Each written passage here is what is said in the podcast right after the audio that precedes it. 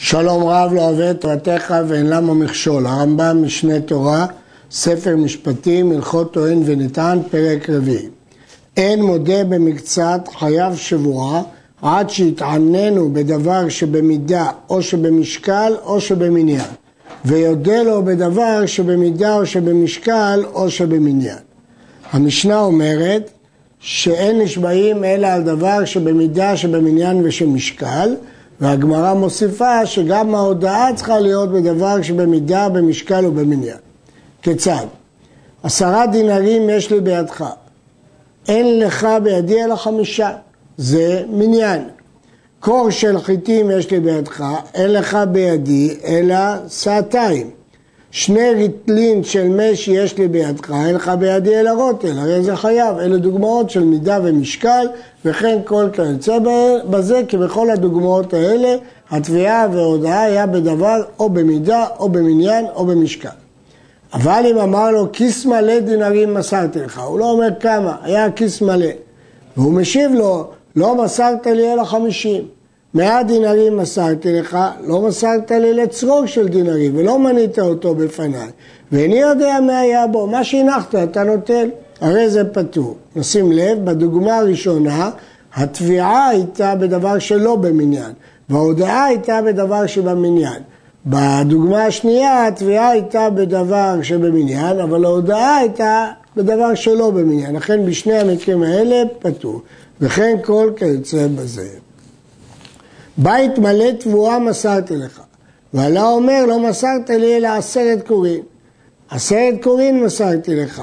איני יודע כמה הם שהרי לא מדדת בפניי, אלא מה שהנחת אתה נוטל, פטור. שוב, התביעה פה בית מלא תבואה היא בדבר שלא במניין ולא במידה ולא במשקל ולכן פטור.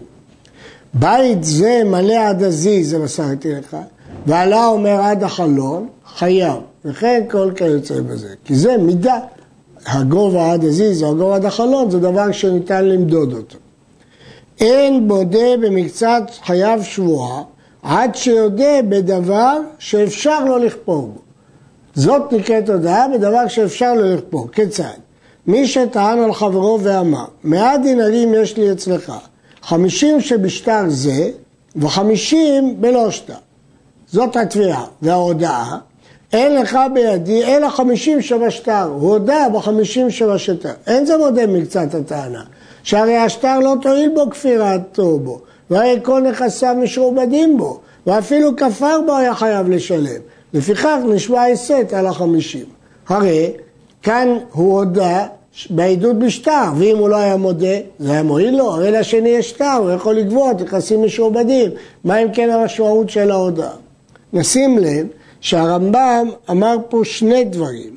האחד, שיש בו שטר, והשני, שזה נכסים משועבדים, ולכאורה אלה שתי סברות שונות. שטר הוא לא יכול לכפור, מה אכפת לי אם זה משועבדים או לא משועבדים. ובאמת הרמב"ן סובר שאפילו החמישים הם בכתב ידו בנאמנות, חייב, כי אין שם נכסים משועבדים. ורק בשטר של נכסים משועבדים. אם כן, אה, הדגש פה שנכסים משועבדים. הרמב"ם כותב, בשטר, כותב הרב המגיד, אם היו החמישים בעדים או בכתב ידו, אז הוא נאמן לומר פרעתי. כיוון שהוא נאמן לומר פרעתי, זה ממון שהוא יכול לכפור בו. אבל בשטר הוא לא יכול לכפור. מה הדין בנאמנות בכתב ידו, שמצד אחד הוא לא יכול לכפור, מצד שני הוא לא גובה מכסים משועבדים? הרמב"ן לפי דעתו חייב. רבנו איה גאון אומר שאפילו אה, בעדים אם הודה בהם אין הודעתו כלום. אבל לפי הרמב"ם מה שקובע שהוא לא יכול לכפור, ובעדים תמיד הוא יכול להגיד פרעתי. שטר שכתוב בו סלעים, ולא הזכירו בו מניין, לא אמר כמה הלווה לו. מלווה אומר, חמש סלעים שיש לי בידך הם הכתובים בו, הלוויתי לך חמש. והלווה אומר לך בידי, אלא שלוש, והם הכתובים בשטר, הוא הודה בשלוש. אף על פי שאין מחייבים אותו בשטר זה אלא שתיים, לעולם לא היה אפשר לחייב יותר משתיים. והרי הודה בסלע שאפשר לכפור בה. אז הסלע השלישית שהוא הודה, הרי מיעוט סלעים שניים, אז הוא לא יכול לתבוע אותו יותר משתיים. אז הוא הודה בשלוש, אז הוא הודה באחד שהוא יכל לכפור בה, הרי זה פטור. פני שהוא כמשיב אבדה. פה הפטור מטעם אחר, שהוא משיב אבדה. הוא יכל להגיד רק שתיים, הוא בא והתנדב את השלישית. תקנת חכמים היא שכל שישיב אבדה לא יישבע כמו שביארנו במקומו. היות הוא יכל להגיד שתיים והוא אמר שלוש והתנדב למסור את השלוש הזה הוא כמשיב אבדה. אה, זה גמרא ברבעו מציאה, שטר שכתוב בו סלעים דינרים, מלווה אומר חמש, לווה אומר שלוש, רבי שמעון בן עזר אומר, הואיל והודה מקצת הטענה יישבע, רבי עקיבא אומר, אין זה אלא כמשיב אבדה ופטור. אז אם כן, הלכה כרבי עקיבא, שלמרות שהוא הודה בשלישית, הוא כמשיב אבדה, כיוון שהוא לא היה חייב להודות. וכן האומר לחברו, אמר לי אבא שיש לו בידך מנה, או ציווה אבא שיש לו בידך מנה. ועלה אומר אין לו בידי אלא חמישים. הרי זה משיר אבדה, הוא פטור אף משבועת הסת. למה? כי הוא יוכל לכפור בכל, לא לתת לו כלום.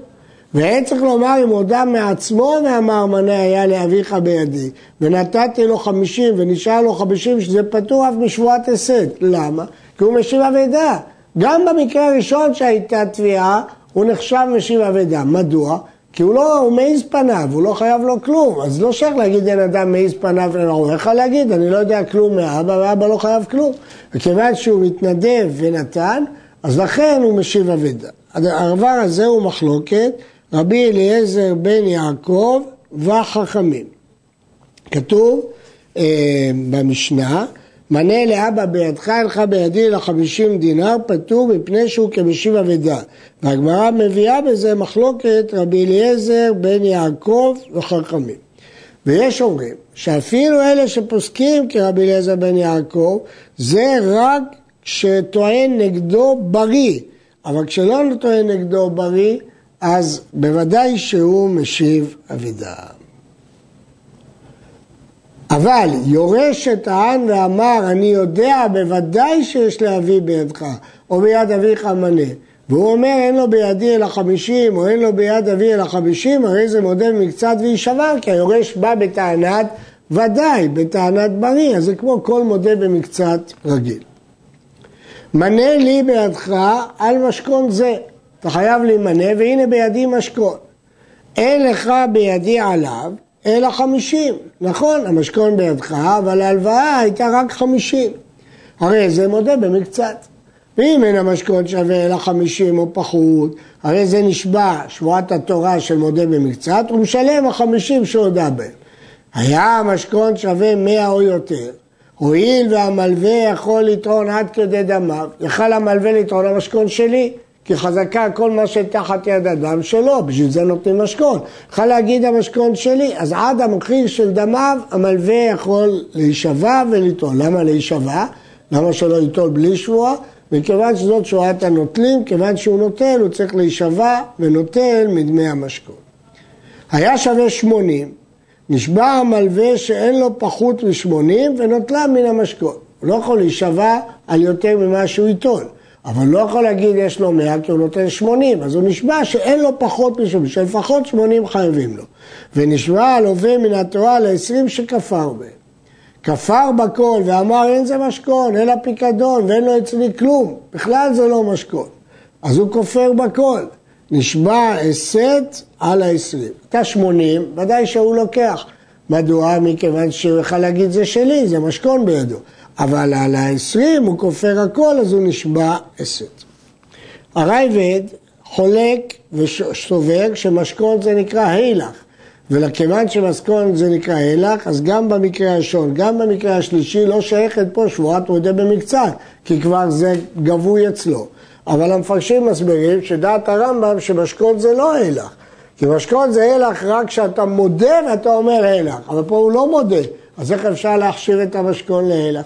אמנם במקרה הראשון הוא הודה בחמישים והמשכון שווה חמישים, אז זה הילך, אבל זה לא מדויק, כי זה אצלו לא בחזקת פירעון, בחזקת משכון, לכן יש מחלוקת אם זה הילך או לא. מנה לי בידך, ועלה אומר, חמישים ודאי יש לך בידי. חמישים אני יודע שאני חייב לך. אבל החמישים איני יודע אם אני חייב בהם או לא. זה נקרא בגמרא חמישים ידענה וחמישים לא ידענה. הרי זה מחויב שבועה, פני שהודה במקצת, הרי בחמישים הודה, אז הוא חייב שבועה. ואינו יכול להישבע על המקצת שכפר בו, שהרי אינו יודע, על החמישים השניים הוא לא יודע, אז איך הוא יישבע? לפיכך משלם המנה בלא שבועה, כי הוא מחויב שבועה שהוא לא יכול להישבע, הוא משלם. וכן כל כיוצא בזה. ויש לו להחרים על מי שטוען עליי דבר שאני יודע, אינו יודע בוודאי שאני חייב. אמרנו שכל החרמות האלה זה מהגאונים. מנה לי בידך, והרי עד אחד מעיד עליו, הוא מביא עד שהוא חייב לו מנה, והנטען אומר כן, הוא נכון, אבל אתה חייב לי כנגד אותו מנה, גם אתה חייב לי מנה. הרי זה מחויב שבועה, יש עד אחד נגדו, ואינו יכול להישבע כי הוא טוען שהוא לא חייב, הוא משלם.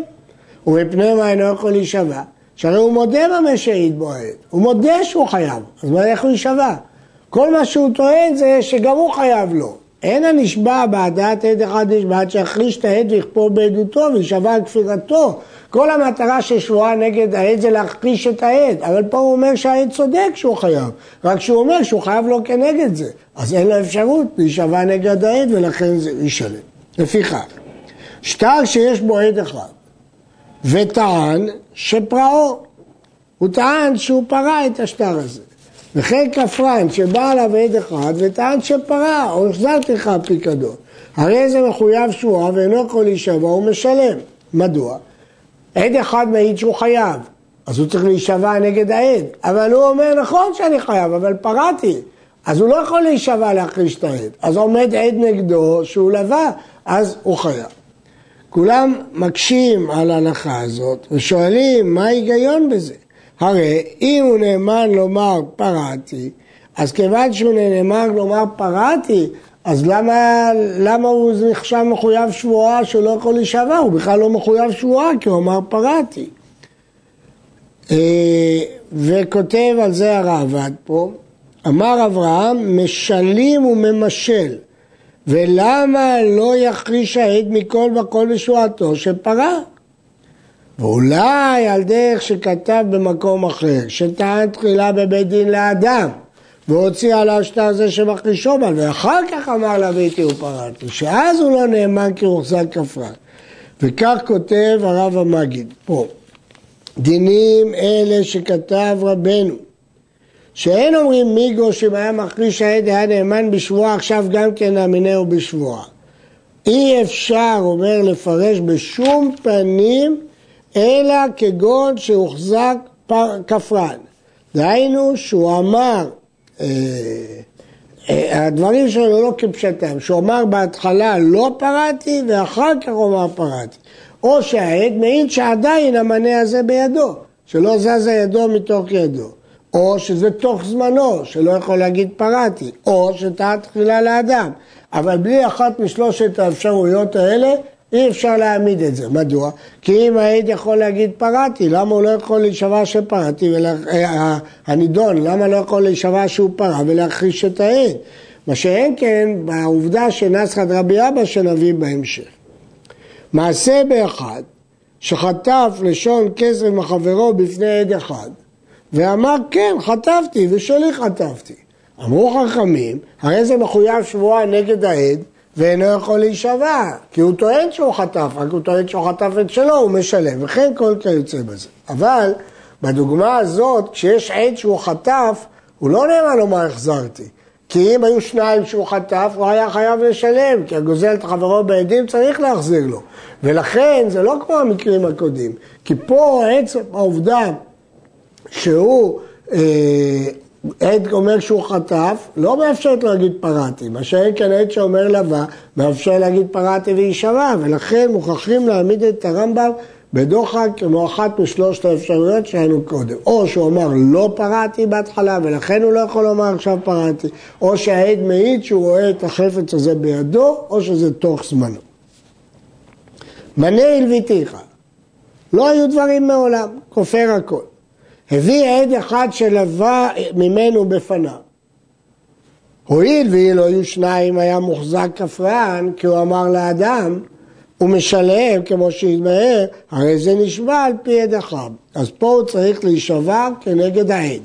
שכל מקום ששניים מחייבים אותו ממון, אחד מחייבו שבועה. חזר ואמר פרעתי, משלם בלא שבועה כמו שבאנו. פה זה ברור, שכיוון שהוא אמר קודם לאדם, אז עכשיו הוא לא נאמן לומר פרעתי, זה ברור, ולכן הוא חייב לשלם. ההיגיון הוא, נסביר שוב, שכל האומר לא לוויתי כי אומר לא פרעתי. אז אם הוא אמר לאדם, בטח שהוא לא פרע. אז הוא לא נאמן אחר כך לומר פרעתי, כי הוא בעצמו כבר הודה שהוא לא לווה ולא פרע ולא כלום. מנה לי בידך, אין לך בידי כלום, ועדים מעידים עליו שעדיין יש לו אצלו חמישים, שהוא חייב חמישים. פסקו כל הגאונים, הלכה שישלם חמישים, יש שני עדים שהוא חייב חמישים, ויישבע על השאר. למה? הרי הוא לא הודה. שלא תהיה הודעת פיו גדולה מהדעת עדים. יש פה שני עדים על במקצת, אז כמו שכשהוא מודה במקצת הוא חייב להישבע שבועת התורה על השאר, גם כשיש עדים במקצת הוא חייב שבועה על השאר. זאת מחלוקת בין רבי חייא ורב ששת, ופסקו כל הגאונים כרבי חייא שהוא חייב שבועה. לומדים את זה מקל וחומר, שאם על הודעת פיו חייב שבועה, בוודאי על הודעת עדים במקצת הוא חייב שבועה על השאר. כמובן, מה שהעדים מעידים הוא ישלם, ועל השאר הוא יישבע שבועת התורה. עד כאן.